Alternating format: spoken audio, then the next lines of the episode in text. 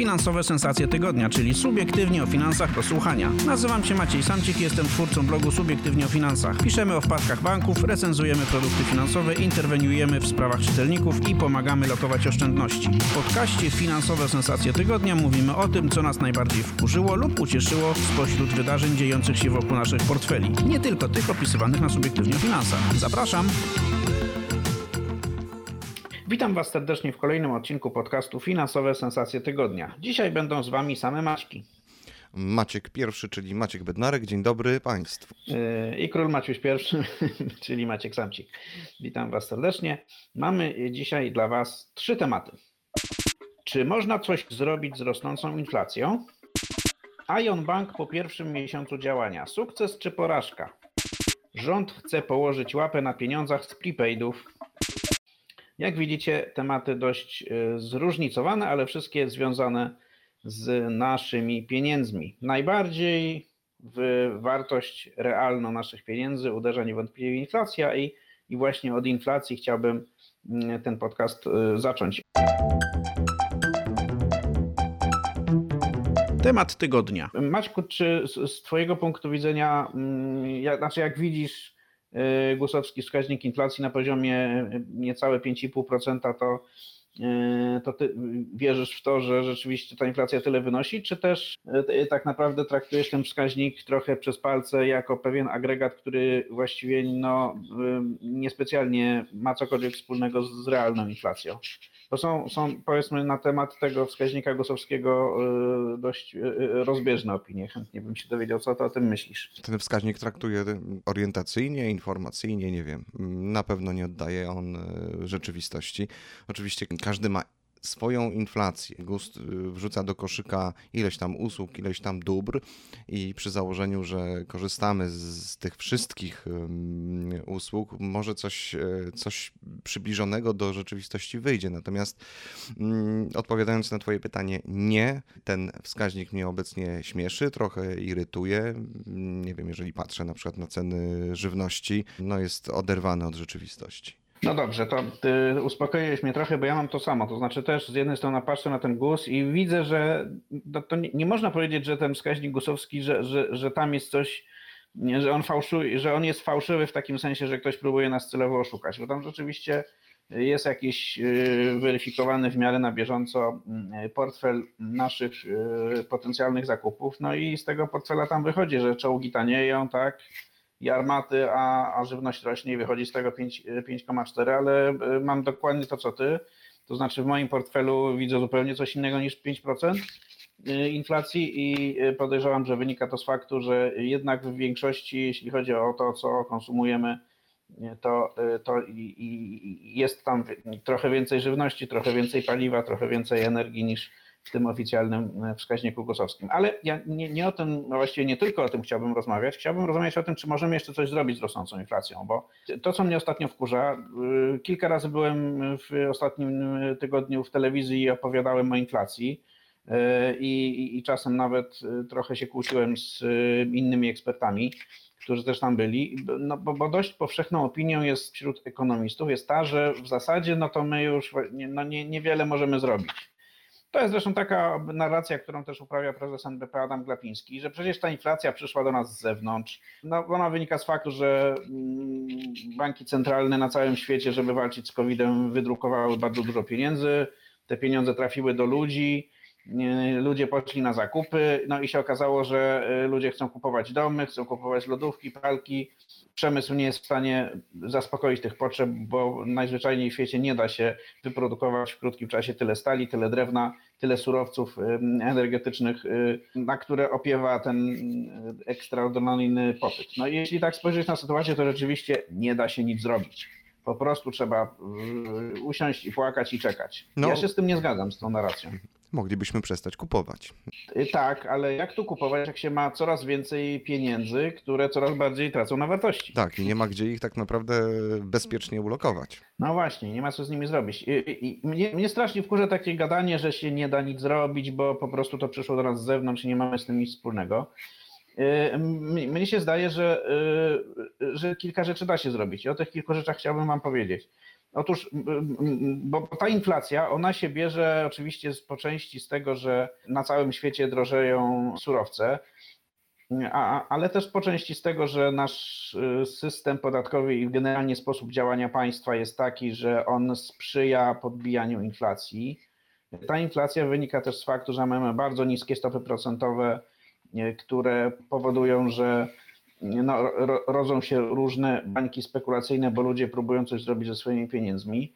I z, z tym wszystkim można coś próbować zrobić. No, wiadomo, że jeśli e, e, bank centralny w Polsce podwyższy stopy procentowe z obecnego poziomu 1,1% na, nie wiem, 30 albo na 0,5, no to e, inflacja nagle nie zniknie.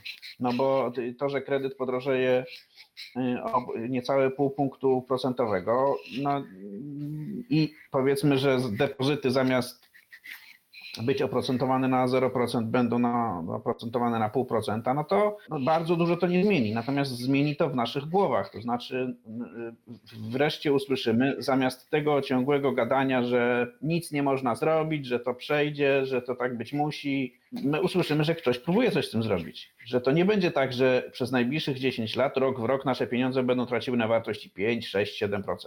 I jeśli nam się w głowach taki stan utrwali, to naprawdę zacznie być niedobrze. I właśnie dlatego trzeba podwyższać stopy procentowe. Nie dlatego, żeby nagle uciąć inflację, tylko dlatego, żebyśmy wszyscy zaczęli myśleć, że ktoś próbuje przynajmniej z walczyć. A druga rzecz, którą chciałem powiedzieć, która moim zdaniem, którą można zrobić, żeby inflacja nie została z nami na tak wysokim poziomie przez 5 czy 10 lat, to jest nieco inne ustawienie wydatków państwa. Bo jeśli te wydatki są promują de facto wyuzdaną konsumpcję, no to z inflacją będziemy mieli trudniej, żeby, żeby z nią skutecznie walczyć. No bo jeśli mamy takie 500, plus, ja do, dostając te 500, plus, mogę je, wydać na cokolwiek, czyli kupić sobie pralkę, lodówkę, telewizor, to to jest sytuacja bardziej proinflacyjna niż taka, w której też dostaję to 500, plus, ale to jest w formie bono, które ja mogę wykorzystać tylko, nie wiem, na przykład na korepetycje dla dziecka. Tak samo wydaje mi się, że w, w kontekście inflacji kiepsko wygląda Polski Ład bo głównym założeniem Polskiego Ładu jest to, żeby przedsiębiorcy wkładali trochę więcej do budżetu państwa. I to jest założenie słuszne, tak ogólnie rzecz biorąc. Możemy dyskutować o tym, czy to nie jest zbyt gwałtowna zmiana, czy ona nie jest zbyt chaotyczna, czy dobre instrumenty zostały użyte, czy ta progresja jest na, na dobrym poziomie, czy ona jest zrobiona w sposób skuteczny. Tam odpowiedź na większość, większość z tych pytań brzmi nie. Ja nawet kilka dni temu na Subiektywnie o Finansach dałem taki tekst o plusach i minusach Polskiego Ładu, polecam Wam. I określiłem to z cytatem ze słynnej komedii Barei, z, lecz niech te plusy nie przesłonią Wam minusów. To był, Maćku, Ty jesteś fanem polskich filmów, to był Mistrzyk Rozmowy Kontrolowane? Miś, ekipa klubu Tęcza wybierała się za granicę na, na zawody do Masz kraju rację. kapitalistycznego. Więc tak, wtedy padła ta, ta informacja o tym, żeby, że te plusy tam będą na pewno na tym zachodzie, o czym Ryszard Ochucki doskonale wiedział, ale e, prosił o, e, o pamiętaniu o minusach. No to z Polskim Ładem jest tak samo. Są tam plusy, lecz proszę Państwa, niech one nie przysłonią Wam minusów. Jednym z tych minusów jest to, że Polski Ład podnosi podatki tak jak mówię, do, do, przemyślenia, czy podnosi wystarczająco, czy niewystarczająco, czy za dużo, czy za mało, ale podnosi podatki głównie y, przedsiębiorcom i to tym przedsiębiorcom, którzy nie są, nie, nie prowadzą jakichś gigantycznych interesów, y, y, tylko takich, takich, no nie wiem, no informatyków, hydraulików, nie wiem, malarzy, murarzy to wiadomo, tak, ale też powiedzmy architektów, prawników, lekarzy, tak, to ci wszyscy ludzie, którzy zarabiają tam 10 tysięcy złotych miesięcznie, albo 8, albo 12, z punktu widzenia kogoś, kto mieszka w małym mieście i zarabia 2,5 tysiąca złotych y, na rękę, to są ogromne pieniądze, ale z punktu widzenia mieszkańców dużego, mieszkańców dużego miasta, y, jeśli y, trzeba utrzymać na w miarę dobrym poziomie, takim charakterystycznym dla klasy średniej, rodziny za 10 tysięcy złotych, no to, to powiedzmy, że tu nie jest to jakaś gigantyczna kwota, której nie da się wydać. No ale do czego zmierzam? Do tego zmierzam, że ci ludzie zostaną jakoś tam dociążeni tym, tymi podatkami. No i, i co oni zrobią? I oni albo to wezmą na klatę, albo po, po prostu podwyższą ceny usług, które, nam, które świadczą wszystkim pozostałym obywatelom. Bo jeśli architekt będzie musiał zapłacić większe e, podatki, no to on albo zmniejszy swoją marżę, albo po prostu podwyższy cenę. E, Jeśli lekarz będzie musiał zapłacić wyższe podatki, to być może zwiększy kwotę, którą pobiera od ludzi za, mm, e, za wizyty. Jeśli informatyk będzie musiał zapłacić wyższy podatek, to albo się przeniesie na Cypr, bo akurat tam jest raj podatkowy dla informatyków, albo też podniesie ceny swoich usług. No i efekt będzie taki, że ci ludzie, którzy z tych usług korzystają, ci powiedzmy mniej zamożni.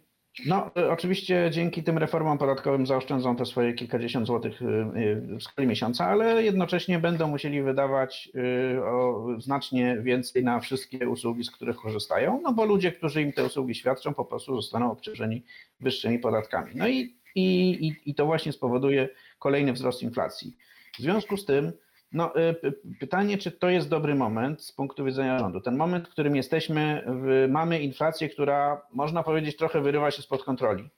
Mamy z jednej strony NBP nic nie robi, bo nie podwyższa stóp i nie daje nam tego sygnału, będziemy walczyć z inflacją. Z drugiej strony y, rząd nakłada na firmy mm, różne opłaty, które potem te firmy przerzucają na ludzi, no bo mamy nie, podatek bankowy, podatek handlowy, opłatę mocową, Tam w naszych rachunkach za prąd są chyba już dwa parapodatki, tak? Jest opłata paliwowa, czyli wszystko, wszystko podatek w paliwie, tak? No i, yy, i to wszystko, yy, my oczywiście jesteśmy zadowoleni, bo rząd nam nie podwyższa podatków osobistych, ale podwyższa podatki firmom, które te firmy przerzucają to na ludzi, więc mamy to zjawisko i za chwilę będziemy mieli podwyżki o 20-30% cen energii. Jeszcze za chwilę będziemy mieli Polski Ład, który spowoduje, że ludzie, którzy nam świadczą usługi, będą po prostu te usługi wyżej y, wyceniali. I to wszystko tak naprawdę jest pod egidą rządu, który no, z jego punktu widzenia być może walka z inflacją nie jest celem strategicznym, ale pytanie, y, czy, czy rząd powinien tę inflację tak nakręcać. Ostatnia rzecz, którą Wam powiem, właściwie wydaje mi się, że nie powinien. Wi- wiadomo, że im wyższa inflacja, tym rząd łatwiej spłaca swoje długi, natomiast y, uważam, że nie powinien w, w ten sposób się zachowywać z dwóch przyczyn. Po pierwsze, dlatego, że niszczy ludziom oszczędności. Większość ludzi, którzy ma, mają w ogóle jakiekolwiek oszczędności, 60% ludzi ma, ale dwie trzecie z tych 60% ma oszczędności do 30 tysięcy złotych. To nie są pieniądze, które można zainwestować na giełdzie, które można ulokować w nieruchomości, za które można kupić nie wiadomo ile złota i które można uchronić przed inflacją. Więc jeśli tylko 60% ludzi ma jakieś oszczędności i dwie trzecie z nich ma poniżej 30 tysięcy złotych, czyli oszczędności, których, z którymi i tak nie da się walczyć z inflacją skutecznie, no to tak naprawdę inflacja właściwie kradnie pierwsze oszczędności większości ludzi, którzy je z dużym trudem e, zgromadzili. I to jest moim zdaniem nie fair i to jest pierwszy, pierwsza rzecz. Ja tu Maćku może się wtrącę. E, W ubiegłym roku mm, próbowaliśmy szacować nas obiektywnie o finansach, ile tak naprawdę, ile nominalnie nam, nam tej, tych pieniędzy ubywa przez wysoką inflację i przez to, że na kontach, e, na lokatach, na depozytach zarabiamy symbolicznie. I to były wyliczenia jeszcze sprzed e, obniżek, czyli jeszcze te mm, obniżek stóp procentowych, czyli jeszcze depozyty jako tako miały, miały atrakcyjne stawki i nam wyszło wtedy, że rocznie po prostu nam ucieka 40 miliardów złotych. No to jeśli wtedy nam wyszło 40, to teraz pewnie ucieka z 80. Ty to liczyłeś, Jeśli- pamiętam jeśli jak jeszcze stopy procentowe były no przed tymi dwoma ostatnimi Półtora obniżkami. procent, y, y, tak, półtora procent była główna stopa. y, No właśnie, a teraz wtedy. jest prawie zero. Mhm, czyli wtedy banki tak, no to- płaciły tak, na dwa, nawet powyżej 2%. Tak, czyli mówimy o tym, że oczywiście z tych 80 miliardów, czy tam 40, co było kiedyś, a teraz pewnie jest 80, które tracimy, większość to są pieniądze ludzi, którzy mają tych pieniędzy na tyle niewiele, że nie są w stanie nic z nimi zrobić. Oczywiście ci, którzy mają dużo, to sobie kupują nieruchomości, inwestują na y, rynku kapitałowym i się jakoś przed inflacją obronią, ale większość się nie obroni. I to jest niefajne. Druga rzecz, która y, y, powoduje, że że rząd y, jednak powinien coś z tym zrobić, nawet jeśli wysoka inflacja mu się opłaca, to jest y, to, że tak naprawdę po kieszeni dostają ludzie, którzy dopiero co się wyrwali spod presji pensji minimalnej, powiedziałbym, tak? czyli ludzie niezamożni. No bo kto dzisiaj, y, bo to, że to, że ceny idą w górę, to oczywiście jeszcze nie jest tragiczne, o ile pensje idą w górę. No i komu pójdą w górę pensje? Pójdą w górę pensje tym, którzy są na pensji minimalnej, czyli tym, którzy y, administracyjnie rząd im podwyższy pensję i pójdą w górę pensje najwyżej wynagradzanych specjalistów, y, tych, którzy mają najwyższe kompetencje, bo oni po prostu zażądają wyższych y, wynagrodzeń i oni je dostaną. Natomiast cała reszta, czyli cały ten środek, nie będzie w stanie dogonić inflacji. W związku z tym mamy najbiedniejszych i najzamożniejszych, którzy sobie poradzą, czy powiedzmy najlepszych specjalistów, i mamy całą resztę, która y, tak naprawdę na inflacji straci, bo ich pensje nie będą gonić inflacji. Y, I trzecia, ostatnia rzecz, y, bardzo negatywna konsekwencja inflacji, to jest taka, że my produkujemy w ten sposób bańki spekulacyjne, które powo- powodują wzrost nierówności.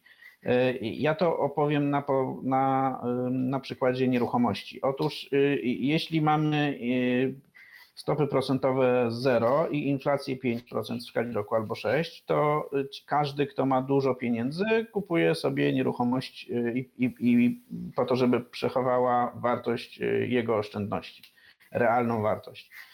Przez to ceny, ceny nieruchomości idą w górę, przez to zwykli młodzi ludzie, którzy chcą kupić swoje pierwsze mieszkanie po to, żeby w nim mieszkać, a nie po to, żeby przechowywać wartość swoich oszczędności, bo jeszcze ich nie mają, po prostu są odcięci od tego, mm, od tego zakupu mieszkania. I teraz wyobraźmy sobie sytuację, że przez najbliższych 10 lat ceny mieszkań będą szły po 10% w górę.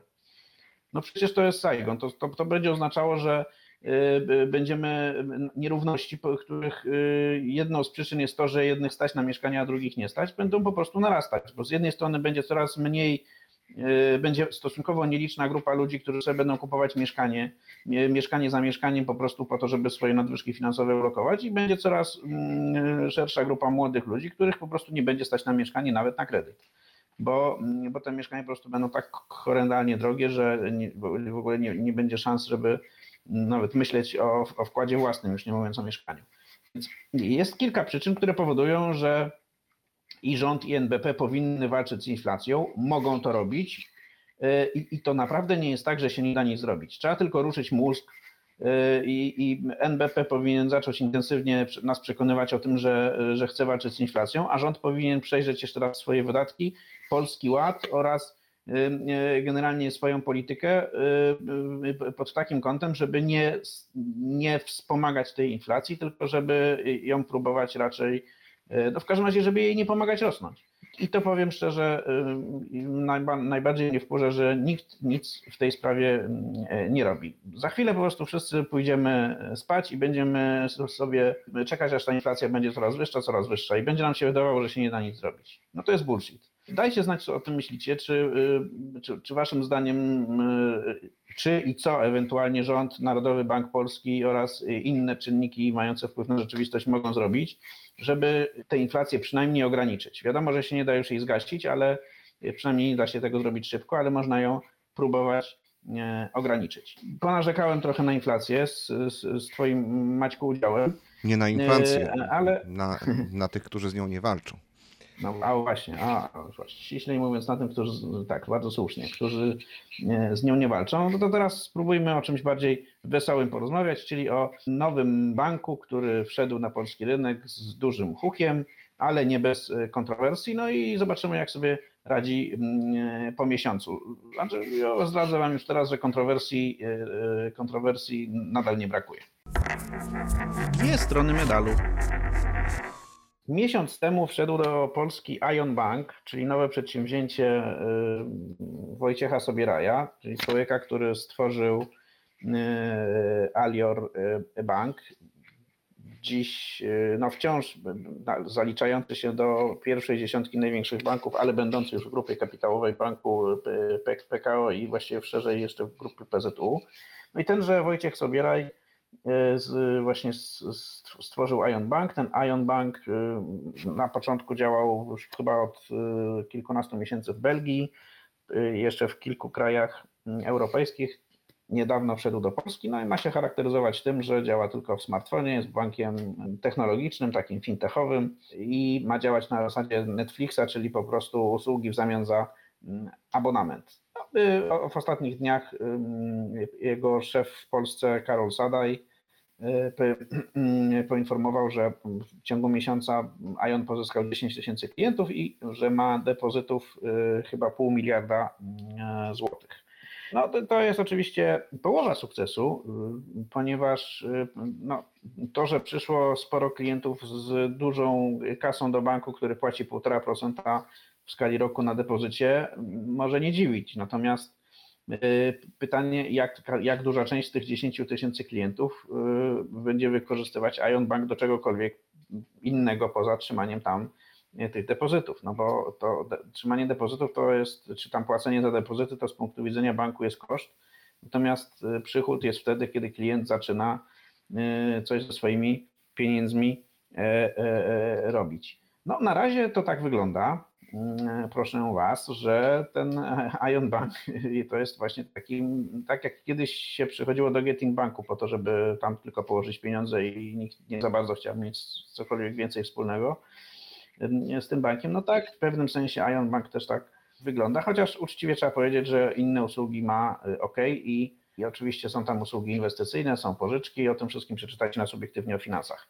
Y, Dzisiaj ch- ch- chciałbym, żebyśmy razem z Maćkiem Bednarkiem po- pogadali chwilę o takim ciekawym y, pomyśle y, na właśnie wykorzystanie tego, tego wysokiego oprocentowania, 1,5% w, y, w, w Ion Banku, no bo y, pojawili się ludzie, którzy stwierdzili, że skoro ten Ion płaci 1,5% i skoro można go zasilić y, kartą kredytową, no tak jak te wszystkie portmonetki fintechowe, tak? Podpina się kartę kredytową i, i, i się przelewa tam, się no, zasila pieniądze. Z punktu widzenia tej karty kredytowej to jest po prostu płatność w internecie, a z punktu widzenia Ion Banku to jest przesłanie pieniędzy z karty kredytowej na, do, do banku właśnie. No i pomysł jest następujący, żeby wziąć kartę, która ma bardzo wysoki limit, e, jak największe pieniądze z tej karty przelać do Ion Banku, zarabiać na tym 1,5%, po czym te pieniądze z powrotem odesłać do, e, na kartę kredytową, żeby, no, żeby ona była darmowa i żeby był to darmowy pieniądz. W sensie, związku z żeby tym w tym wyrobić się okresie- tak na ten okres bezodsetkowy, czyli no, dokładnie, pieniądze żeby się jeszcze zmieścić w okresie e, bez za darmo. I to no jest, Maćku, ważna rzecz, bo Ion Bank oferuje konto oszczędnościowe, a nie lokatę terminową. Gdyby to była lokata, to byłoby trudniej, tak? Bo, No bo tak, wtedy zamrażamy środki na, nie wiem, miesiąc, trzy miesiące. Tutaj właściwie w każdej chwili można z tego konta pieniądze wypłacić, czyli no, tuż przed y, No nawet co do spłatą. dnia można to zrobić, bo może jeśli mam kartę kredytową, która ma 54 dni okresu bezodsetkowego, to przez 54 dni trzymam te pieniądze w Ionie i potem je wracam, tak? I, potem, Dokładnie. i potem robię to samo i, i de facto na pieniądzu kredytowym wykręcam oprocentowanie. No i tak. Yy, Jest, opublikowaliśmy na ten temat tekst na subiektywnie o finansach yy, i, i no jest duży dym wokół tego tekstu. Mianowicie jest bardzo dużo komentarzy. Jedni z Was uważają, że że to jest po prostu taka luka, która jeszcze przez jakiś czas pobędzie, a potem pewnie banki ją zamkną, taki oscylator, a druga, y, a, a druga frakcja uważa, że to jest nieetyczne i że tak się nie powinno robić, bo to jest de facto oszukiwanie tego banku, w którym się ma kartę kredytową. Ja powiem szczerze, nie mam jasnego zdania na ten temat. Z jednej strony no nie, nie jest to, zdaje się, nielegalne, ale, ale z drugiej strony no istota karty kredytowej jednak na tym nie polega, żeby żeby takie operacje wykonywać. Nie wiem, co ty Maciek o tym myślisz, czy, czy, czy, czy, czy my polecamy coś takiego, czy, czy raczej właśnie yy, no, nie, nie kochamy tego typu działań? No tak, to jest y, etycznie wątpliwe, ale powiedziałeś coś ważnego. To jest legalne. To nie jest tak, że to jest, y, że ja kombinuję, że ja muszę okraść, oszukać, y, y, nie wiem, jakoś ominąć. To jest po prostu operacja, na którą banki zezwalają. Więc jeżeli uważają, że to jest ich że- my w ten sposób okradamy, no to po prostu trzeba to, trzeba to wyłączyć. Ja pamiętam, że w przeszłości właściwie tylko y, płatności bezgotówkowe, czyli płatność kartą kredytową w internecie i płatność kartą y, w sklepie, w terminalu y, były mm, darmowe, to znaczy łapały się na ten okres bezodsetkowy, bo jeżeli wypłacaliśmy pieniądze y, z bankomatu, no to od tej transakcji, od tej wypłaty powiedzmy 100 zł już bank naliczał odsetki. Tutaj y, ta, ta transakcja nie jest liczona. Y, Więc A y, potem pojawiły się fintechy, które z punktu widzenia karty kredytowej wyglądają jak zwykła płatność w sklepie internetowym, ale nią nie są. No, pierwsza rzecz to jest, no tak, no, trzeba po prostu do przykrócić, tak? I, I nazwać, że taka transakcja jest transakcją gotówkową, czyli y, jest już y, oprocentowana. Ale y, i teraz tak, czy, czy to jest okradanie banków? No to, no to ja może przypomnę, oscylator wiadomo, kojarzy się z baksikiem, ale ja, ja Państwu opowiem taką historię mm, z, z czasów moich studiów. Wtedy wchodziły te preferencyjne kredyty studenckie. Rozmawiałem z kolegą, który mówił, że no łapie się na tę na tę pożyczkę studencką, nie do końca potrzebuje, ale rodzice go namówili. Dlaczego? Bo ten, ta pożyczka była no, właściwie darmowa, tam, tam, tam oprocentowanie było symboliczne i po prostu on dostawał ten, ten kredyt studencki, on był chyba w transzach wypłacany, no, a rodzice na wysoki procent, te stopy procentowe były wysokie, po prostu zarabiali na tym. No taki oscylator, tutaj pokombinowali. Czy kredyt studencki służy do tego, żeby y, zarabiać na lokacie? No, no pytanie. I jeszcze jedna rzecz. Jeżeli e, tak ktoś e, mm, stoi, chce, chce bronić e, tych biednych banków, no to ja przypomnę inny oscylator, powiedzmy, możemy, możemy go tak nazwać, lokaty jednodniowe. To banki wymyśliły, że będą po prostu robić w konia skarb państwa, tak? czyli nie odprowadzać podatku belki przez taki mechanizm. Y, tam była y, kwota lokaty, musiała być odpowiednio, odpowiednie oprocentowanie, dzięki czemu odsetki y, po jednym dniu wynosiły, były niższe niż 50 groszy. Co oznacza, zgodnie z przepisami podatkowymi, że zaokrągla się tę kwotę do zera, czyli nie ma tak naprawdę podatku. No i co? Przez parę lat to funkcjonowało. W końcu rząd się zorientował, że tu już nam wycieka nie, nie, nie 10 milionów, milionów, ale już 300, może więcej.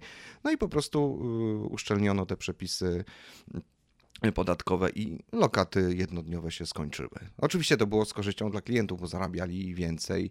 Banki mogły mm, reklamować swoją ofertę, że jest taka super, że my, my nie płacimy 4, my płacimy 6, tak? tylko że na lokacie jednodniowej. Także mm, jeżeli mówimy tutaj o kwestiach etycznych, to jedni mają za uszami i, i drudzy mają za uszami. A tak jak mówię, jeżeli jeżeli jest jakiś problem, po prostu trzeba mm, tak zmienić parametry y, kart transakcji, że tak, tego typu przelewy z karty będą traktowane jak transakcja, transakcja gotówkowa i, i po sprawie.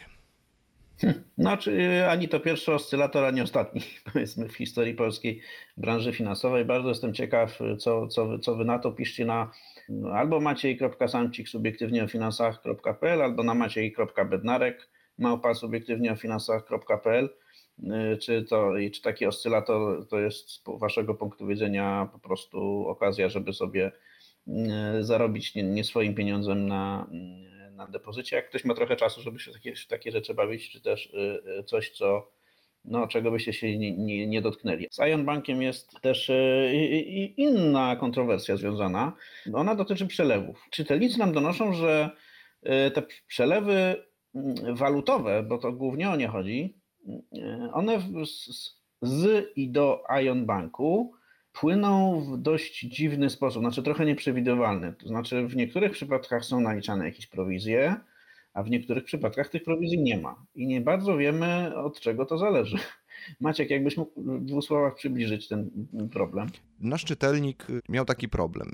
Pomyślał sobie, że tak, no, bo, bo trzeba też pochwalić Iona za to, że, że można u niego wymieniać po bardzo dobrych kursach y, waluty. Tam jest kilka, chyba cztery rachunki walutowe. Y, I sobie pomyślał, że kupi tanio w Ionie walutę, prawie po kursie międzybankowym i przeleje te pieniądze na konto kredytu hipotecznego we frankach do innego banku.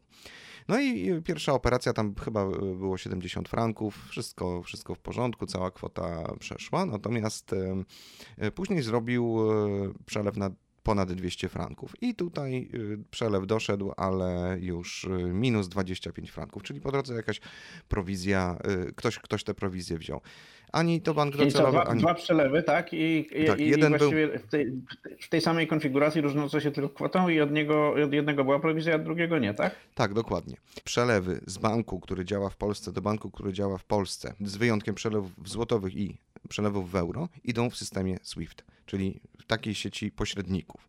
Czyli y, te przelewy są generalnie wykorzystywane do, do, y, do wysyłania pieniędzy y, za granicę tak, do Chin, do Stanów Zjednoczonych, tylko te przelewy. mm, I to jest tak, nie, polski bank nie ma połączenia y, z jakimś bankiem w Japonii czy w Australii, więc to, on ten przelew musi jak gdyby przepychać przez kolejne banki, z którymi nawiązał jakąś współpracę. I, i w pewnym momencie gdzieś te banki się e, ze sobą łączą. Dlatego te przelewy y, i są drogie, bo po, po drodze każdy pośrednik bierze swoją, swoją dolę, ale też mogą iść kilka, kilkanaście dni. Ja mam sygnał od, od, od czytelnika, że, że i miesiąc e, czekał na zaksięgowanie. Jakie tutaj jest wyjaśnienie? Bo tutaj to nie jest tak, że ten przelew na niższą kwotę poszedł innym systemem. Po prostu nie ma takiego systemu yy, yy, w Polsce i na świecie, który cho- chociaż no, się pewnie szyje takie systemy oparte na blockchainie i, i tak dalej. Natomiast na tę chwilę nie, nie ma czegoś takiego, więc jeden i drugi przelew poszedł yy, systemem SWIFT. Być może tutaj rozwiązaniem yy, tej zagadki jest to, że nie ma, nie ma prowizji za przelew o niższej wartości. Tam, po- przypomnę, było 70 y, franków, drugi przelew był na ponad 200. Być może gdzieś, gdzieś jest granica. Banki, ani ION, ani banki, y, bank docelowy nie, nie były w stanie mi wyjaśnić, z czego, z czego to wynika.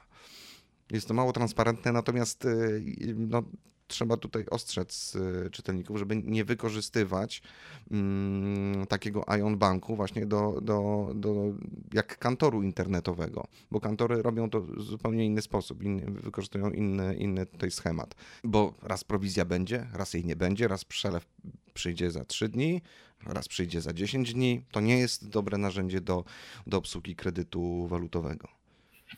No, no właśnie, bo to mówimy o takiej sytuacji, w której kupuję sobie w y, Ion Banku tanią walutę, bo oni tam mają fajne kursy i, i potem to, tę walutę przepycham do innego polskiego banku, żeby na przykład s- y, y, spłacić kredyt hipoteczny y, walutowy. Znaczy, ja spotkałem się też z taką y, sytuacją, że jeden z klientów też miał pobrane y, jakieś opłaty za y, przelew w euro, który zasadniczo powinien iść systemem SEPA i, i, i z Ion Banku do jakiegoś innego banku, nie pamiętam czy w Polsce, czy za granicą. Y, No i, i za przelew euro po- pobrano prowizję i też jest kontrowersja, bo, bo, no bo takich prowizji być nie powinno.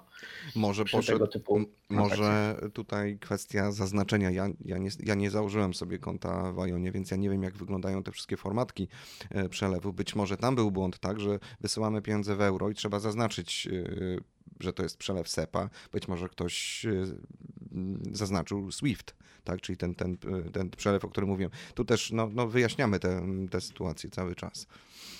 No tak, więc wpadajcie na subiektywnie o finansach, tam będziemy o tym pisać w najbliższych dniach pewnie sporo. Yy, No taki ober wniosek gó- generalny i główny jest taki, że jakkolwiek Ion Bank jest mm, niewątpliwie instytucją nowoczesną i takim bankiem nowej generacji, który działa tylko w smartfonie i właściwie wszystko można załatwić yy, z, poziomu smartfona. Jeśli ktoś się- wcześniej nie korzystał z fintechów, a mm, zakłada sobie konto w Ion Banku, to naprawdę może szczęka opaść, bo ten proces zakładanie konta w tym e, banku naprawdę jest ultra nowoczesny. Tam nie ma właściwie to wszystko idzie błyskawicznie i bez formalności jakichś bardzo dolegliwych. E, Więc, więc to jest niewątpliwie bardzo nowoczesny bank, natomiast niestety on jest przypięty do takiego systemu bankowego, do, do, jakiego, do którego są przypięte wszystkie inne banki.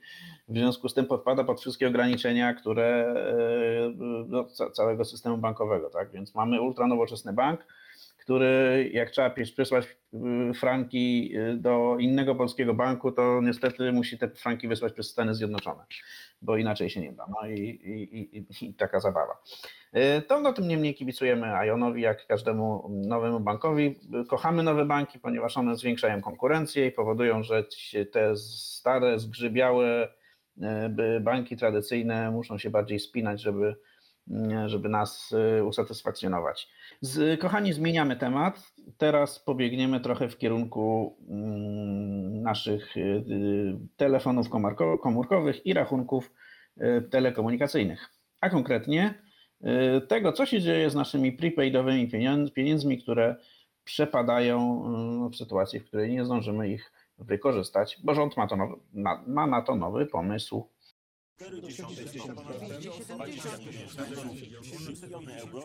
Liczba tygodnia. pojawił się w ostatnich dniach e, pomysł, żeby pieniądze, których nie wykorzystamy z, e, korzystając z prepaidów, no bo mm, wiadomo, że czasami jest tak, że zasilimy konto prepaidowe w Telekomie kwotą 10 zł, a potem jej nie wykorzystamy, to konta po 30 albo 60 albo 90 dniach, e, znaczy te pieniądze tracą ważność i, e, i właściwie nikną w czarnej dziurze. No i e, jest taki pomysł, żeby te, żeby te pieniądze mm, przejmował rząd. Dzisiaj jest tak, że ta kasa tak naprawdę zasila zyski firm telekomunikacyjnych. Teoretycznie można poprosić firmę Telekom, żeby nam te niewykorzystane pieniądze oddała, no ale mało kto to robi. No i y, pomysł, żeby na tym pieniądzu łapę położył rząd, y, od, od, samego początku wzbudził sporo kontrowersji. Maciek, czy ty się orientowałeś, o jakie pieniądze może chodzić i czy tu rzeczywiście jest o co kruszyć y, kopię no, w takim sensie, że, no, że, że może nas to w jakiś sposób zaboleć?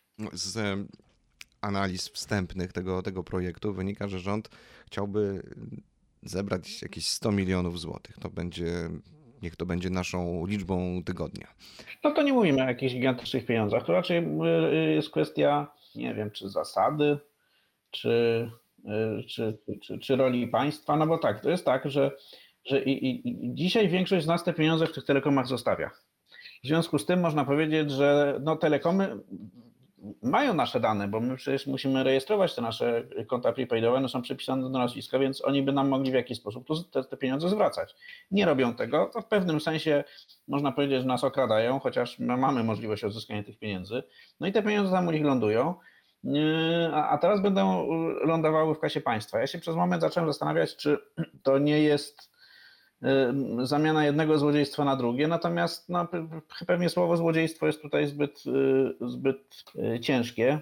Zacząłem się też zastanawiać, czy przypadkiem nie będzie tak, że jak firmom telekomunikacyjnym się te pieniądze zabierze, to one je spróbują uzyskać w jakiś inny sposób, na przykład podwyższając nam cenę abonamentów, ale jeśli mówimy o kwocie 100 milionów złotych w skali roku, to mm, pewnie no, biorąc pod uwagę skalę działalności firm telekomunikacyjnych, to nie jest taki pieniądz, który mm, doprowadziłby te firmy do, na, na krawędź bankructwa i zmusił do jakichś agresywnych ruchów względem nas mm, e, jako klientów.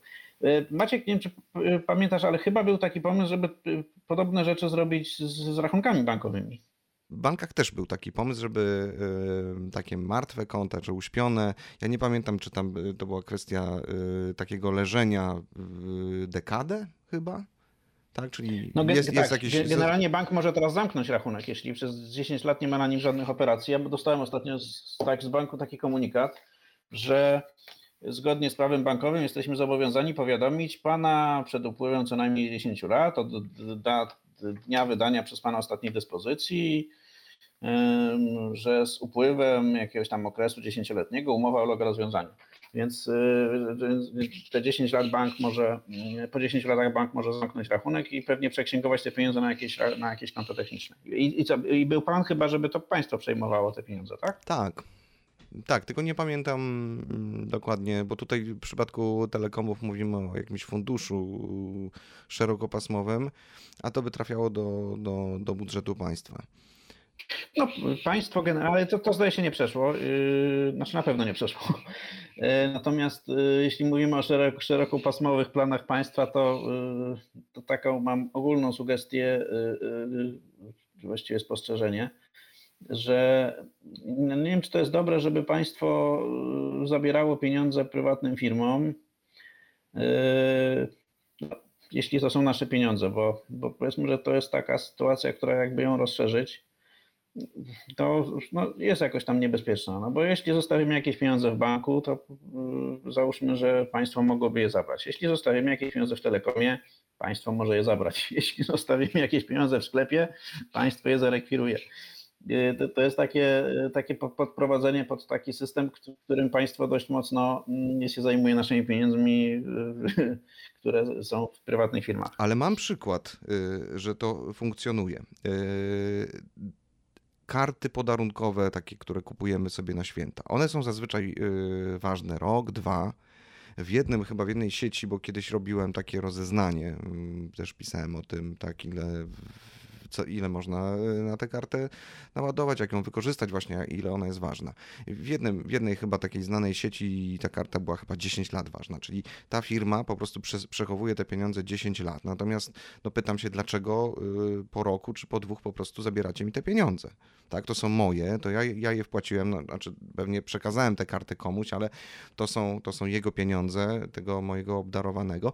Usłyszałem taką e, odpowiedź, wyjaśnienie, że, no, że to jest kwestia rozliczeń, zamknięcia roku, budżet i tak dalej, że po prostu no, tak sobie wymyślili. I uważam, że to no, nie jest fair. No, czy, czy, czy taki telekom, czy taka firma odzieżowa, która takie karty udostępnia, no nie może, czy to jest taki ogromny koszt, żeby przed, na jakichś kontach technicznych przechowywać mm, te pieniądze czy, czy, czy kwestia tych, tych uśpionych rachunków w bankach. No nie wiem, no jest to, jest to na pewno kontrowersyjne. No nie chciałbym. A, a może jeszcze, jeżeli, jeżeli rząd ogłosi, znaczy ogłosił tak, że, że będzie nad takim e, projektem pracował, być może e, ludzie, którzy będą chcieli zrobić mu na złość, to polecą do tych operatorów i wypłacą wszystkie te pieniądze i nie będzie 100 milionów do no, Może będzie taka akcja społeczna. Nie, ale myślę, że nie, nie, nie, jest dobre, że wspomniałeś o tych kartach podarunkowych, bo jak za dwa tygodnie y, się okaże, że jest projekt ustawy, która y, zakłada przekazanie y, niewykorzystanych pieniędzy z kart podarunkowych do budżetu państwa, to wiesz, czy to będzie wina twoja. No dobrze, już nie będziemy mieli dzisiaj, obiecuję, żadnych innych głupich pomysłów. Żegnamy się z Wami czulej namiętnie. Do usłyszenia za tydzień. Byli z Wami dzisiaj Maciek Bednarek i Maciek Samcik. Do usłyszenia. Inne odcinki tego podcastu znajdziesz na stronie Subiektywnie o Finansach www.subiektywnieofinansach.pl. Zapraszam!